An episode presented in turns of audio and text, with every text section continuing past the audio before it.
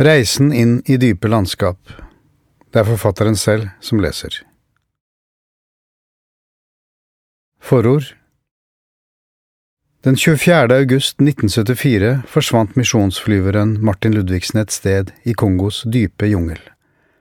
Ryktene om hva som hadde skjedd med ham og det lille Cessna-flyet, spredde seg raskere enn præriebranner i tørkeperioden. Fanget av opprørere tvunget til å fly for kommunistiske geriljasoldater inne i fjellområdene i Øst-Kivu, slått seg til ro i jungelbyen Hewabora og giftet seg med en kongolesisk kvinne, skutt ned under et fluktforsøk av opprørssoldater, havarert i Tanganyikasjøen der fiskerne satte fast garnene sine i flyvraket på bunnen av sjøen.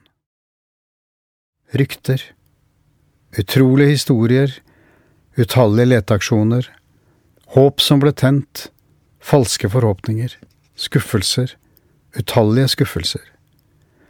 Uvissheten som nektet å la både håp og sorg slippe taket i oss som elsket ham. 29 år skulle langsomt passere før vi endelig fikk svar på hva som hadde skjedd. Og da jeg startet på denne boken, var det for å beskrive safarien inn i jungelen på leting etter pappa. Jeg ville fortelle om Kongos situasjon og historien om flyet som aldri kom tilbake. Jeg ville hedre mammas livskamp og pappas minne.